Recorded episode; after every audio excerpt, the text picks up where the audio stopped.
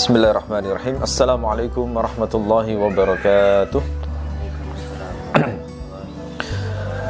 الحمد لله رب العالمين وبه نستعين على أمور الدنيا والدين والصلاة والسلام على سيد المرسلين وإمام المتقين محمد وعلى آله وصحبه ومن تبعه بإحسان إلى يوم الدين اللهم إنا نسألك علما نافعا ورزقا طيبا وعملا متقبلا اللهم حبب إلينا الإيمان وزينه في قلوبنا وكره إلينا الكفر والفسوق والعصيان واجعلنا من الراشدين أما بعد Kita lanjutkan kitab eh, kajian kitab Matan Abu Syuja.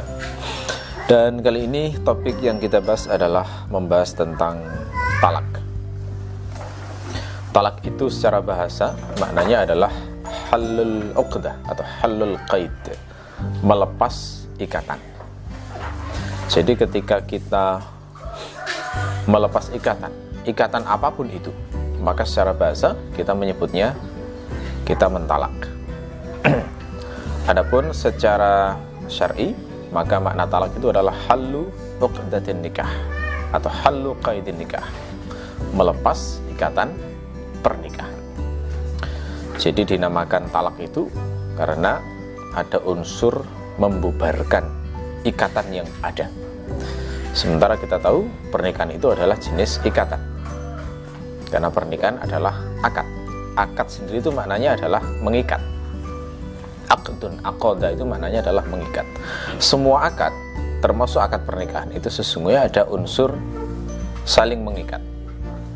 Jual beli dinamakan akad jual beli karena ada unsur pengikatan. Di mana mengikatnya?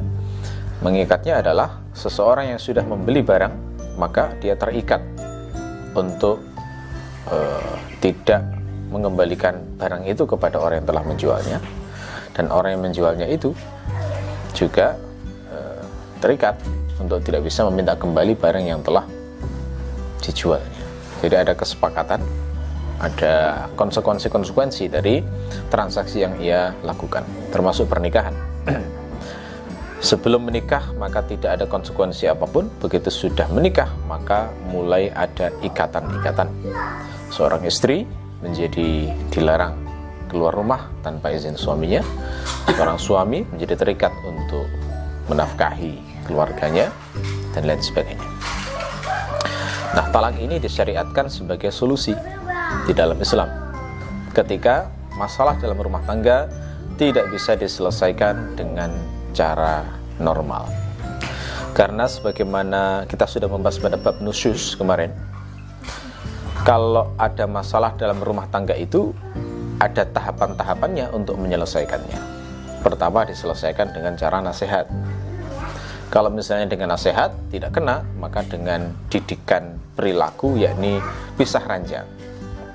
Kalau dengan pisah ranjang ini ternyata masih tidak mempan, maka kemudian menyelesaikan masalah itu adalah uh, boleh disertai dengan pukulan tetapi syaratnya tidak menyakitkan. Nah, itu pun juga tidak bisa dilakukan uh, yang sifatnya membuat pasangan itu menjadi terluka atau dia sampai sakit misalnya karena sifatnya mendidik memang. Jadi semacam semacam uh, tamparan mental sebenarnya. Pukulan ini maksud di situ begitu. Makanya di Quran dikatakan dorban ghaira mubarrih. Pukulan yang tidak menyakitkan.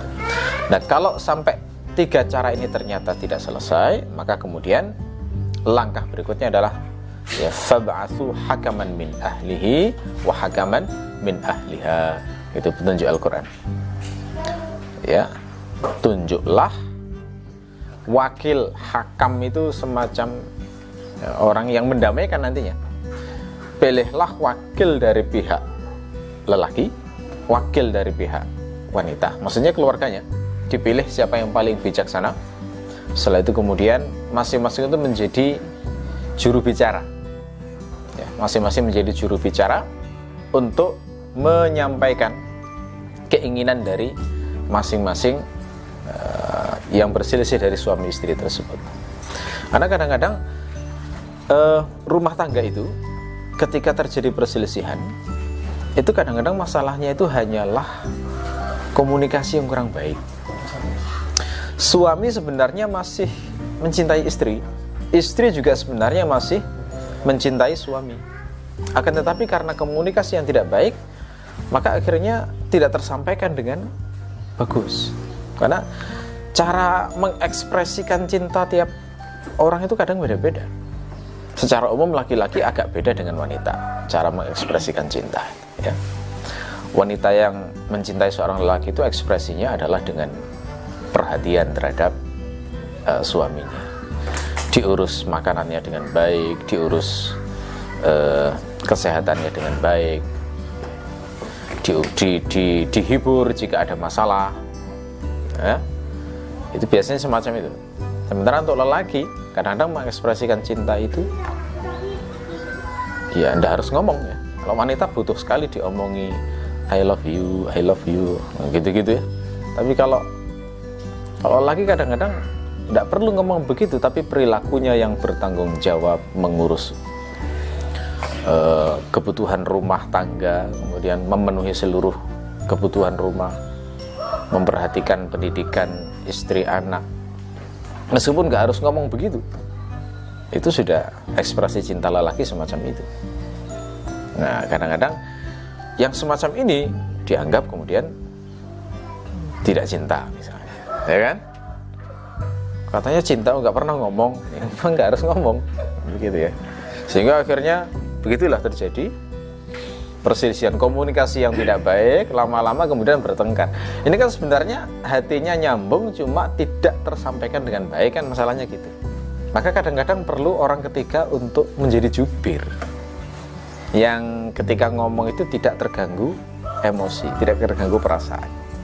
Makanya perintah Quran itu sangat bijaksana. Kalau kalau di level suami istri ini nggak nggak bisa nyambung komunikasinya, fab'athu hakaman min ahlihi wa hakaman min ahliha. Tunjuk tunjuk jubir dari laki-laki dan laki wanita. Yang yang suami silahkan ngomong ke jubir yang dipercayanya dari keluarganya itu, yang wanita juga silahkan ngomong curhat se luas-luasnya. Nanti biar mereka yang mempertemukan. Nanti kalau mesti akan ketemu nanti. Kalau niatnya memang karena Allah, niatnya ingin kebaikan pasti akan ketemu. Nah, setelah begitu, kemudian setelah ketemu nanti dua ini ber, e, bermusyawarah. Sebenarnya masalahnya di mana? Ketemu sumber masalahnya di mana? Kemudian akhirnya bisa dikumpulkan suami istri itu berbicara empat orang ya untuk menyampaikan e, sehingga bisa didamaikan kembali. Harusnya begitu. Ya. Nah, nah cuma kadang-kadang uh, ini, ini harus hati-hati ya memilih jubir hati-hati. Karena ada jubir yang bukan berniat kebaikan tapi provokatif. Ada ya? Jadi ketika salah satu suami atau istri curhat ke keluarganya bukannya keluarganya ini mendinginkan dan berusaha untuk mendamaikan tapi malah memanas-manasi mengompor-ngompori ada kayak begitu. Makanya hakam ini harus adil hakam ini harus orang yang adil, orang yang bertakwa, orang yang berilmu. Jadi ketika dia itu menjadi wakil dari pihak yang berselisih itu benar-benar ingin islah. Benar-benar karena ingin memperbaiki rumah tangga. Karena kalau orang yang ngerti banget urusan ini pasti tahu rumah tangga itu jangan dimudah-mudahkan untuk dibubarkan. Karena itu adalah target setan memang. Setan itu pengen rumah tangga bubar dengan segala cara itu prestasi yang sangat disenangi oleh iblis ketika setan berhasil membubarkan rumah tangga. Nah, kalau semacam itu kan akhirnya berusaha sedapat mungkin tetap mempertahankan rumah tangga. Meskipun dalam rumah tangga itu nantinya akan diketahui bahwa mesti akan ada pihak-pihak yang yang tidak benar atau misalnya bahkan tolim atau bahkan keliru jelas salah gitu mesti akan seharusnya ada begitu ya tetapi orang yang berilmu itu tidak menjadikan itu sebagai alasan untuk dirusaknya rumah tangga karena prinsipnya ya tidak ada orang yang sempurna orang sebaik apa pun pasti kan punya kesalahan punya kelemahan, punya kekeliruan ya, sehingga ketika seseorang memutuskan untuk menikah itu seharusnya sudah bisa maklum bahwa si ini nanti eh, ada kekurangan ini, kekurangan itu, itu sudah sangat wajar. Ya. nah kalau misalnya di level ini nggak ketemu juga, ya berarti sudah parah masalahnya. Jadi sudah parah, sudah parah masalahnya sehingga saat itu diizinkan untuk mentalak. Nah, jadi talak itu solusi terakhir istilahnya ya. Ya harus dipahami posisinya kayak begitu. Nah kadang orang sekarang banyak rumah tangga yang tidak mengerti tahapan-tahapan ini sehingga marah sedikit talak gitu ya. Itu keliru. Nah demikian. Kalau jalannya bagus diterapkan dengan bagus seharusnya talak itu menjadi solusi saja. Saat ketika eh, masalah rumah tangga itu sudah susah untuk diselesaikan dengan baik. Ya. Nah hukum talak itu hukum asalnya adalah mubah. Mubah itu artinya adalah eh, dilakukan tidak ada pujian ditinggalkan juga tidak ada pujian. Ini sangat pas dengan uh, kedudukan talak sebagai solusi dalam rumah tangga. Nah, hanya saja kata Ibnu Al-Ghazi uh, dalam kitab Fathul Qarib beliau mengatakan talak itu statusnya bisa wajib, bisa mandub, bisa sunnah, bisa makruh, ya, bisa mubah dan bisa haram. Jadi lima ahkam khamsah itu bisa kena. Kapan talak itu menjadi wajib? Talak menjadi wajib itu adalah talaknya muli. Siapa itu muli? Muli itu adalah orang yang melakukan ila. Apa itu ila? Ila itu adalah seorang lelaki yang sedang jengkel dengan istrinya, marah dengan istrinya, lalu dia bersumpah tidak akan menggauli istrinya. Dia bersumpah, saya bersumpah tidak akan menggauli. Saya dalam hidup ini ketemu dua suami yang yang pernah mengatakan begitu dan dan memberitahu saya. Ya. Bersumpah untuk tidak menggauli istri jadi penyebab marahnya ada yang ya ya kalau kalau zahirnya saya lihat karena marah karena din betul ya. Istrinya susah di dinasehati gitu loh pengakuan dari sang suami. Sehingga dia bersumpah tidak menggauli istrinya. Nah, siapa yang sudah pernah mengucapkan sumpah tidak menggauli istrinya, maka dia masuk hukum ilah. Nah, hukum ilah itu ada ketentuannya. Bagaimana ketentuannya? Seorang lelaki yang telah mengucapkan sumpah tidak menggauli istri sehingga masuk ilah itu, maka dia diberi Allah kesempatan waktu melaksanakan sumpahnya itu maksimal 4 bulan. Tidak boleh lebih dari 4 bulan. Jadi setelah mengucapkan harus dihitung itu berapa lama. Sampai 4 maksimal 4 bulan. ya. Begitu sudah masuk 4 bulan maka pilihannya dua. Dia gauli istrinya, kemudian dia membayar kafarah dari sumpahnya itu. Ya, kalau dia nggak mau maka wajib mentalak. Wajib sudah. Itu dipaksa oleh hakim nantinya kalau nggak. Inilah kondisi talak yang wajib. Jadi dinamakan tolakul muli empat bulan syaratnya. Karena nggak boleh menyiksa wanita sampai melebihi empat bulan itu. Kalau ya harus jelas ini lanjut nikah apa tidak begitu. Tidak bisa niatnya untuk menyiksa sekedar menyiksa aja sampai dibiarkan terkatung-katung nggak jelas terusnya istri kok nggak digauli kalau bukan istri kok ya masih serumah misalnya itu tidak benar itu bukan akhlak yang baik dalam Islam sehingga dalam kondisi ini talaknya uh, wajib kemudian kapan mandub Kapan talak itu mandub? Kata Ibn al-Ghazi, talak itu menjadi mandub atau disunahkan ketika istri itu sayyiatul khuluq. Akhlaknya buruk. Gampang bohong misalnya ya. Mudah berbohong.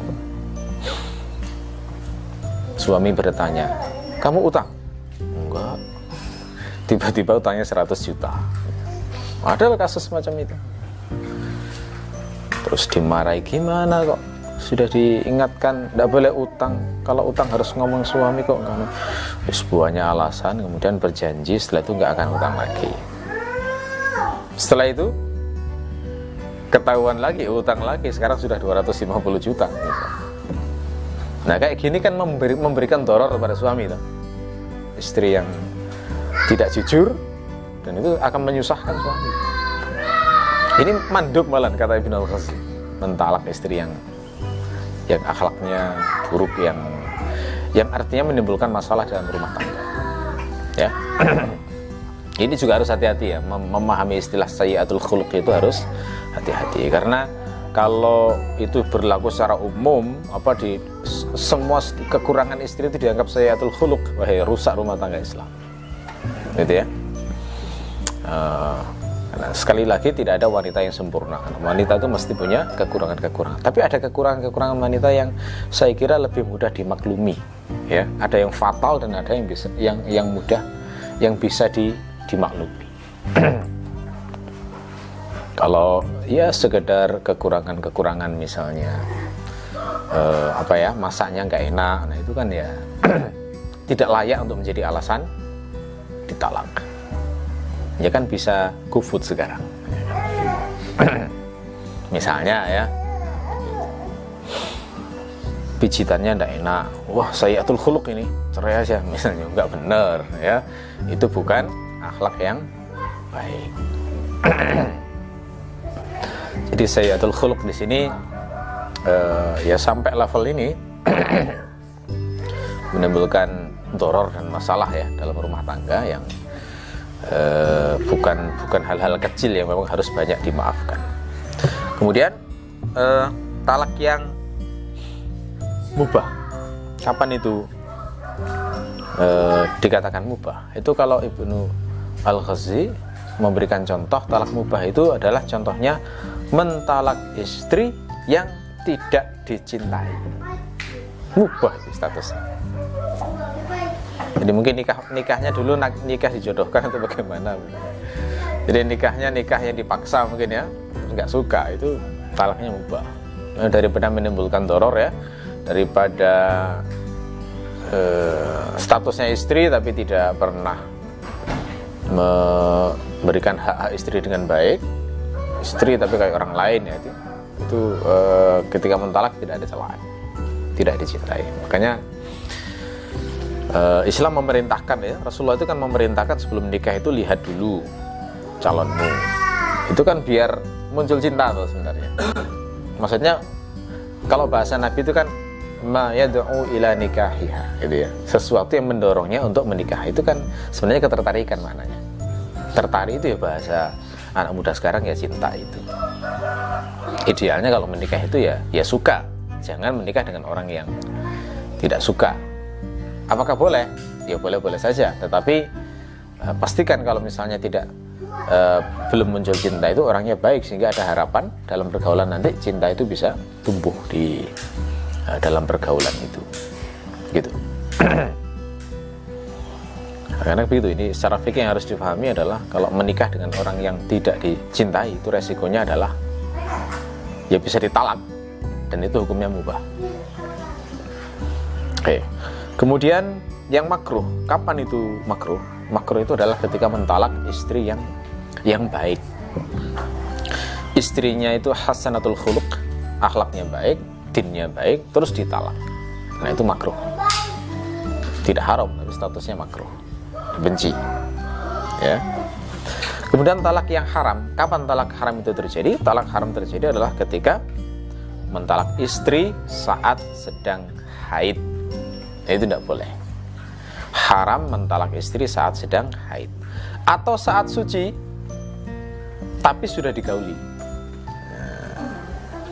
jadi mentalak istri yang yang suci tapi sudah pernah digauli itu tidak boleh. Jadi talak yang benar itu adalah lakukan dalam salah satu di antara dua kondisi.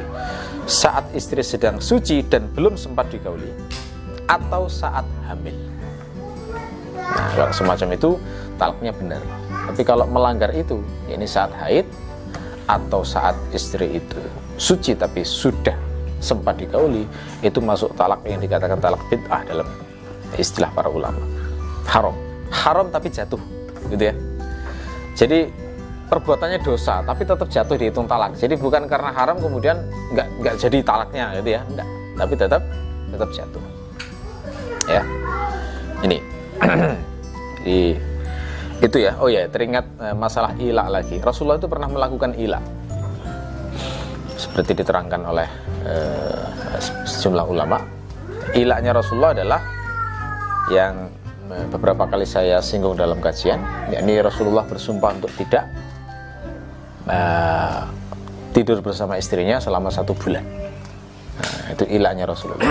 Itu ilahnya Rasulullah itu karena beliau sumpahnya satu bulan ya sudah satu, bulan itu hanya. Nggak sampai empat bulan beliau. Tapi kalau ada seorang suami yang marah yang bersumpah secara umum nggak dibatasi waktunya maka Allah memberikan waktu maksimal empat bulan. Nggak boleh lebih dari itu. Ya. Kalau misalnya ilaknya kurang dari empat bulan misalnya dua bulan atau tiga bulan maka harus dituntaskan. Karena itu sumpah. Sumpah itu tidak boleh dilanggar. Sudah menggunakan nama Allah itu tidak bisa dilanggar sembarangan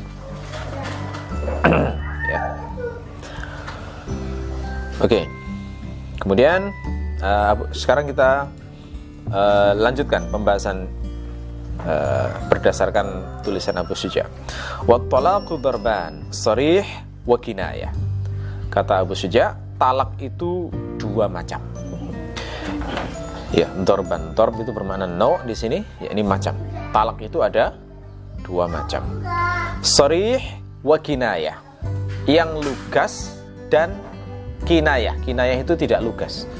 Kinayah itu dengan uh, sindiran ya semacam ya saya lebih suka terjemahkan tidak lugas gitu aja biar lebih mudah dipahami ya talak itu ada dua macam lugas dan tidak lugas fasarih salah satu alfaz yang lugas itu memakai tiga lafaz apa itu yang pertama at-talaq yang kedua al-wal firaq yang ketiga was-sarah talak terjemahnya talak kalau al-firaq terjemahnya adalah pisah.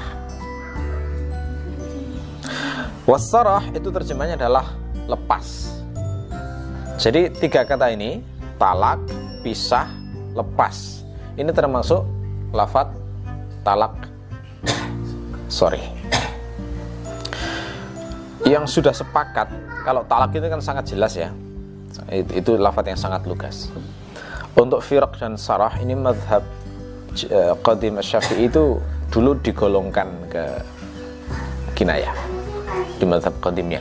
Karena alasannya namanya pisah dan lepas itu mungkin dimaknai lain gitu ya. Terus kita pisah-pisahan dulu, maksudnya eh, saya kuliah, kamu di sana. Ini kan maknanya pisah ya. ya itu itu pisah tapi maknanya kan bukan talak Nah, di bahasa Arab juga ada kayak begitu. Kata al faraqah itu bisa bermakna yang bukan talak gitu. Ini yang menjadi alasan mazhab Syafi'i yang qadim untuk menggolongkan pisah dan lepas ini sebagai kinayah. Tapi mazhab jadidnya itu digolongkan sorry. Alasannya apa?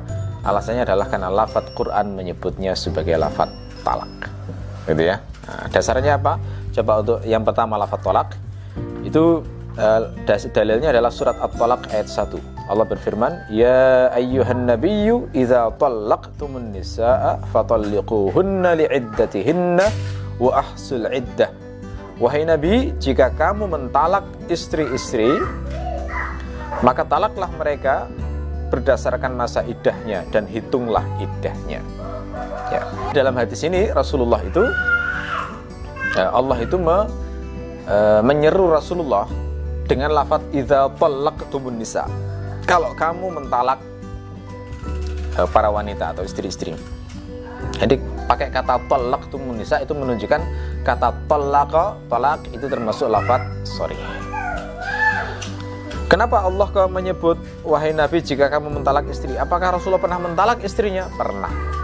Rasulullah pernah mentalak istrinya. Yang pernah ditalak oleh Rasulullah itu adalah di antaranya Saudah. Saudah binti Zam'ah itu ditalak eh maaf bukan Saudah uh, Hafsah Hafsah uh, putrinya Umar kalau Saudah itu niat ditalak tapi nggak jadi mau ditalak tapi nggak jadi jadi Hafsah Hafsah ini yang uh, pernah ditalak Rasul tapi kemudian dirujuk ya ada pula yang ditalak Rasulullah karena Rasul merasa ditipu seperti yang sempat saya singgung di kajian beberapa waktu yang lalu.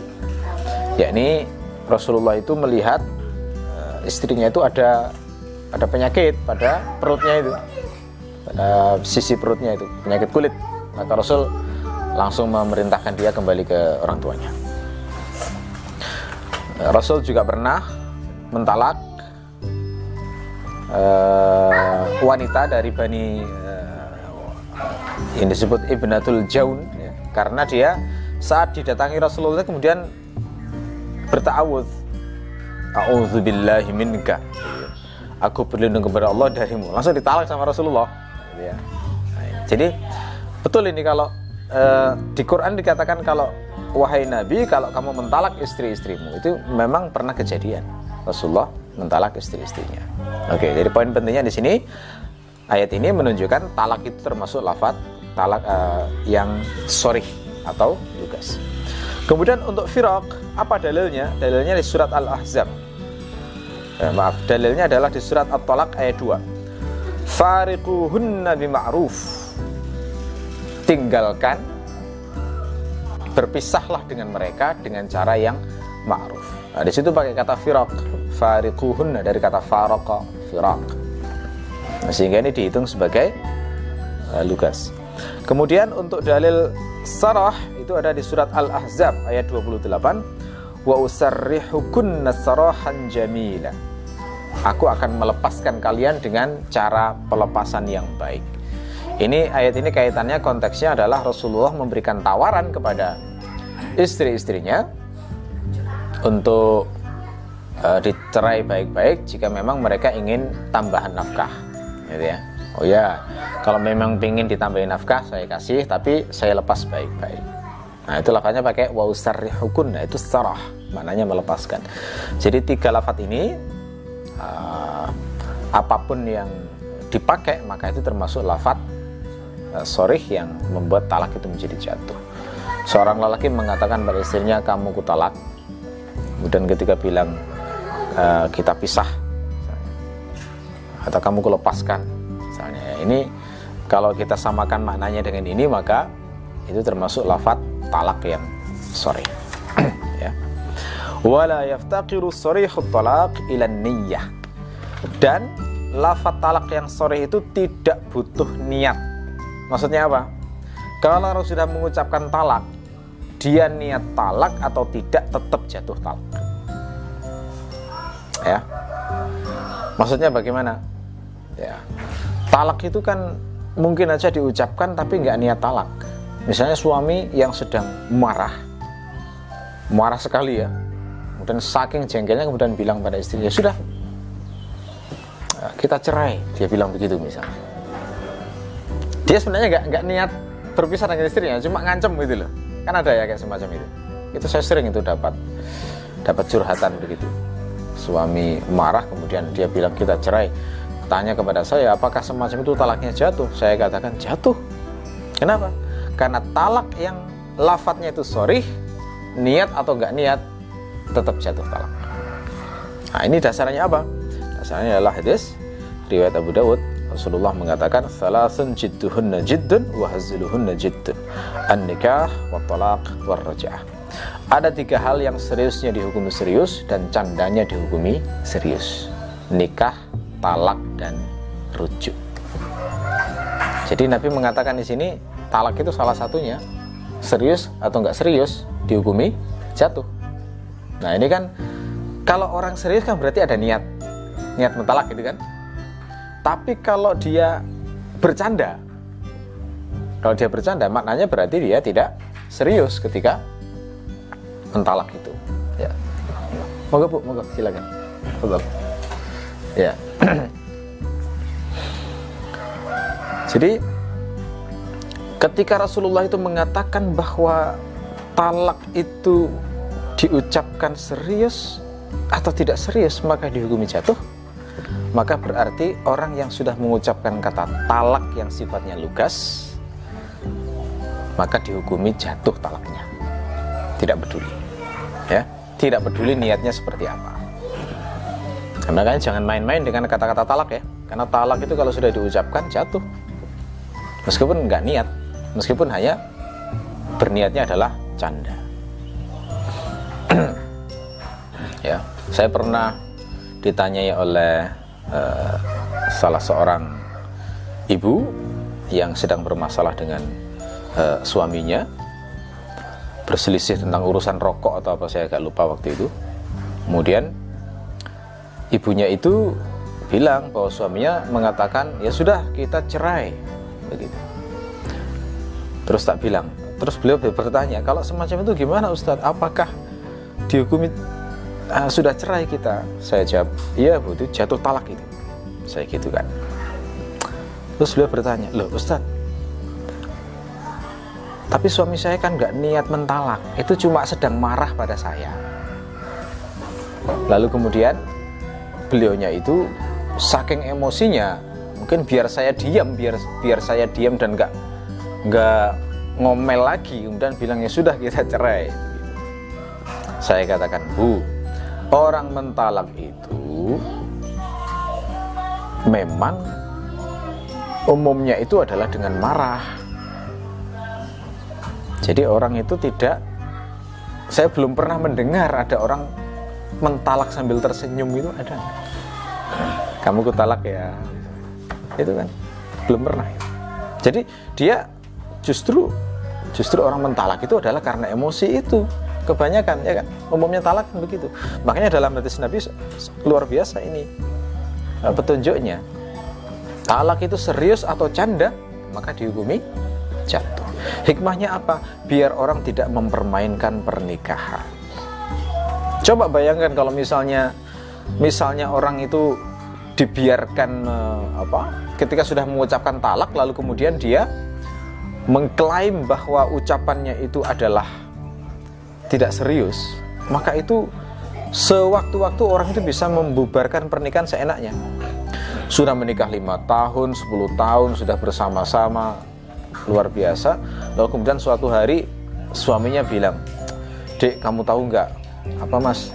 Dulu waktu kita nikah, aku cuma bercanda. Gitu. Coba. Kalau kalau orang dibiarkan klaimnya kayak gini kan akhirnya nggak ada gunanya pernikahan tuh. Makanya klaim canda tidak diterima. Kalau orang sudah pernah mengucapkan akad nikah atau dia mentalak, jatuh sudah.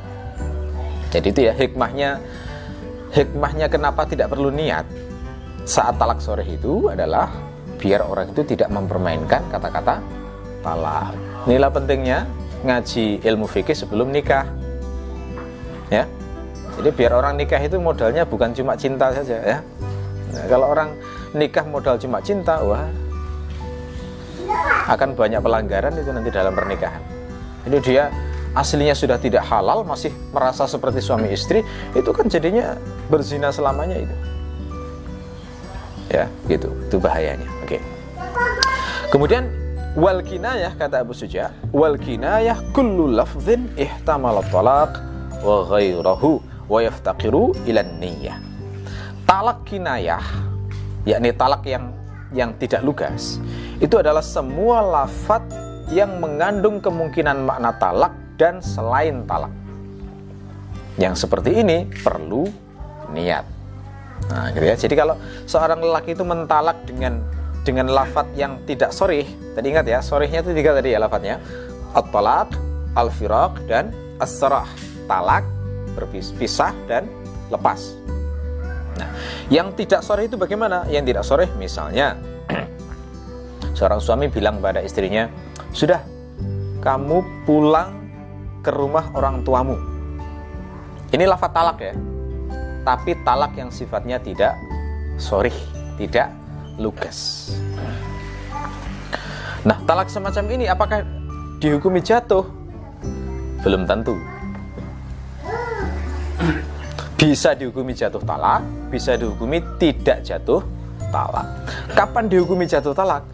Dihukumi jatuh talak kalau suami niatnya mentalak. Tidak dihukumi jatuh talak kalau suami tidak meniat, tidak niat mentalak. Jadi kalau istri misalnya oleh suaminya dibilangin, kamu sudah pulang aja kembali ke rumah orang tuamu. Istri harus tanya pada suami, maksud mas apa? Kalau suaminya bilang, ya sudah kita cerai, nah, jelas berarti itu berarti niatnya adalah talak. Tapi kalau niatnya adalah uh, aku itu ingin sendiri dulu. Kamu tinggal di rumah orang tuamu dulu biar aku tenang. Kalau sudah tenang tak jemput lagi misalnya. Nah kalau semacam berarti niatnya tidak mentalak. Berarti tidak jatuh talak. Ya ini maksud talak kinayah. Jadi talak kinayah itu tergantung niatnya suami. Oke. ya. Contoh lain. Suami misalnya bilang, "Kamu bukan istriku." Wah. Kalau suami bilang kamu bukan istriku, ini masuk talak tapi kinayah. Ya. Itu kalau uh, bahasa Arabnya kalau kalau para fuka menjelaskan itu misalnya mengatakan lasti imroati. Itu maksudnya kamu bukan istriku. Itu termasuk talak kinayah. Suami harus ditanya, maksudnya bagaimana, Mas? Ya, kalau misalnya kalau misalnya suami kemudian bilang e, ya sudah maksudnya kita sudah nggak ada hubungan pernikahan sudah kita nggak mau aku nggak mau lagi jadi suamimu nah itu berarti talak itu maknanya niatnya talak tapi kalau maksudnya kamu bukan istriku maksudnya itu e, kamu bukan seperti istriku yang ku kenal dulu karena sifatmu telah berubah misalnya nah gitu ya sekarang ini kayak bukan istriku gitu Nah kalau dia niatnya begitu berarti dia hanya sekedar mengungkapkan kenapa kamu berubah. Kan begitu ya. Itu berarti termasuk tidak jatuh talak.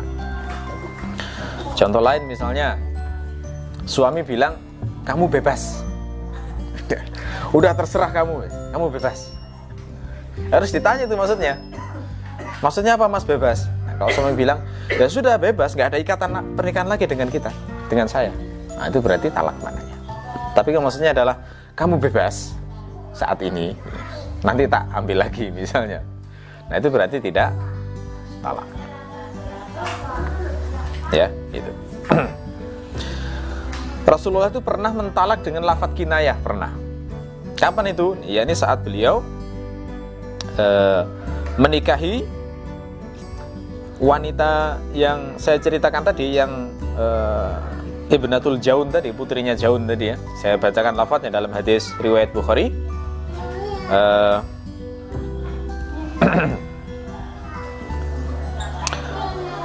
Bila menceritakan dari Aisyah, Aisyah mengatakan annabnatal jaun lamma udkhilat ala Rasulillah sallallahu alaihi wasallam wadana minha qalat a'udzu billahi minka faqala laha laqad uzti bi'azim ilhaqi bi ahliki. Nah, gitu. Bahwasanya putrinya Jaun ketika dipertemukan dengan Rasulullah Shallallahu Alaihi Wasallam, lalu Rasulullah mendekatinya. Ini maksudnya di malam pertama setelah pernikahan. Maka kemudian wanita itu mengatakan, A'udzubillahi minki. Aku berlindung kepada Allah darimu.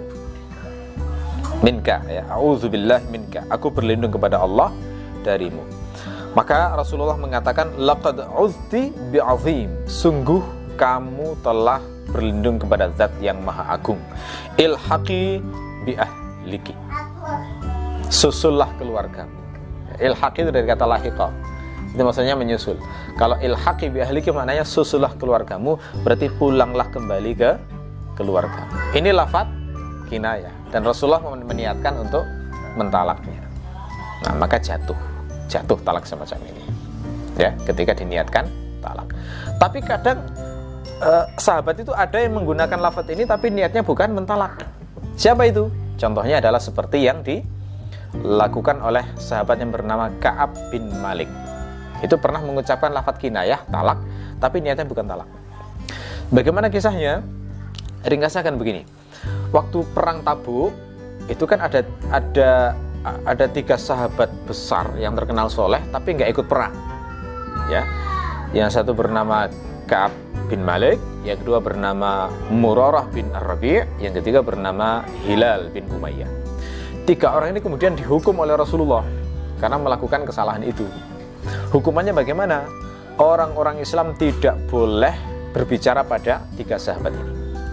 Tidak boleh mengucapkan salam kepadanya. Dan bahkan tersenyum aja tidak boleh jadi dikucilkan. Dihukum selama 40 hari biar menyadari kesalahannya itu. Ya. Lalu kemudian pada hari ke-40 Rasulullah memanggil tiga orang itu kemudian Rasul mengatakan ya tazilu nisa aku jauhilah istri-istri kalian nah ini Kaab ini agak bingung waduh maksudnya Rasulullah apa ini ya disuruh menjauhi istri maksudnya ditalak atau bagaimana? Nah, begitu. Jadi Kaab ini uh, bingung dengan maksud Rasulullah karena tidak mengerti jaga-jaga apa maksudnya Rasulullah dalam memerintahkan talak atau tidak talak maka beliau berkata pada istrinya ilhaqi bi ahliki kata Ka'ab bin Malik. Fatakuni indahum hatta yaqdiyallahu fi hadzal amr susulah keluargamu dan tinggallah di sana sampai Allah memberikan keputusan terhadap urusan ini. Nah, berarti niatnya Kaab tidak mentalak, hanya disuruh tinggal sementara dengan orang tuanya. Kadang-kadang suami kan begitu ya, titip istri ke mertua, gitu. Kadang-kadang karena urusan apa, nah, semacam ini, ini tidak bisa dikatakan talak karena niatnya memang tidak mentalak, ya. Oke, jadi eh, kesimpulannya dari kajian pagi hari ini uh, lafat talak itu ada dua ya. Pertama yang lugas dan yang kedua yang tidak lugas. Kalau talak yang lafadznya itu lugas maka jatuh talak tanpa peduli niat atau tidak. Niat talak jatuh tidak niat talak tetap jatuh. Mari hati-hati ya. Ada kata-kata keramat ya bagi para lelaki. Jangan mudah diomongkan kata talak itu sangat rawan. Jangan sampai diucapkan. An Nawawi itu uh, para ulama itu menjelaskan bahwa lelaki yang mentalak istrinya meskipun hanya sendirian. Sendirian yang dengar cuma dirinya ya. Saya talak istriku. Nah itu jatuh sudah talaknya. Nggak harus ngomong ke istri itu ya. Hati-hati ya makanya nggak boleh. Ya tapi kalau misalnya ngomongnya diri sendiri sampai tidak dengar ya, diri sendiri itu ngomongnya pelan sekali sampai sampai dirinya sendiri nggak dengar maka itu tidak jatuh talak. Kenapa? Ya karena masih dianggap niat, belum mengucapkan talak. Makanya ini, ini sekaligus pelajaran juga bagi kita hati-hati dengan ucapan. Islam itu sangat memperhatikan ucapan ajaran Islam itu. Kalau orang selama belum diucapkan maka masih dimaafkan niatnya dalam hati itu. Tapi kalau begitu sudah diucapkan, nah sudah tidak ada ampun lagi. Kemudian yang kedua, talak yang kinayah yang tidak lugas yang tidak sorry nah talak kinayah itu tergantung niat. Ya, kalau niatnya adalah mentolak maka jatuh talak. Kalau tidak uh, niat maka tidak jatuh talak. Gitu ya. Ini pengetahuan yang bukan hanya penting bagi lelaki tapi juga bagi wanita. Kepentingan bagi lelaki adalah biar tahu kapan seseorang itu masih dalam ikatan pernikahan atau tidak. Wanita juga penting tahu karena dia jadi mengatakan posisi dirinya ini masih wajib taat pada suami itu sudah jadi orang lain kan begitu? Ya. Baik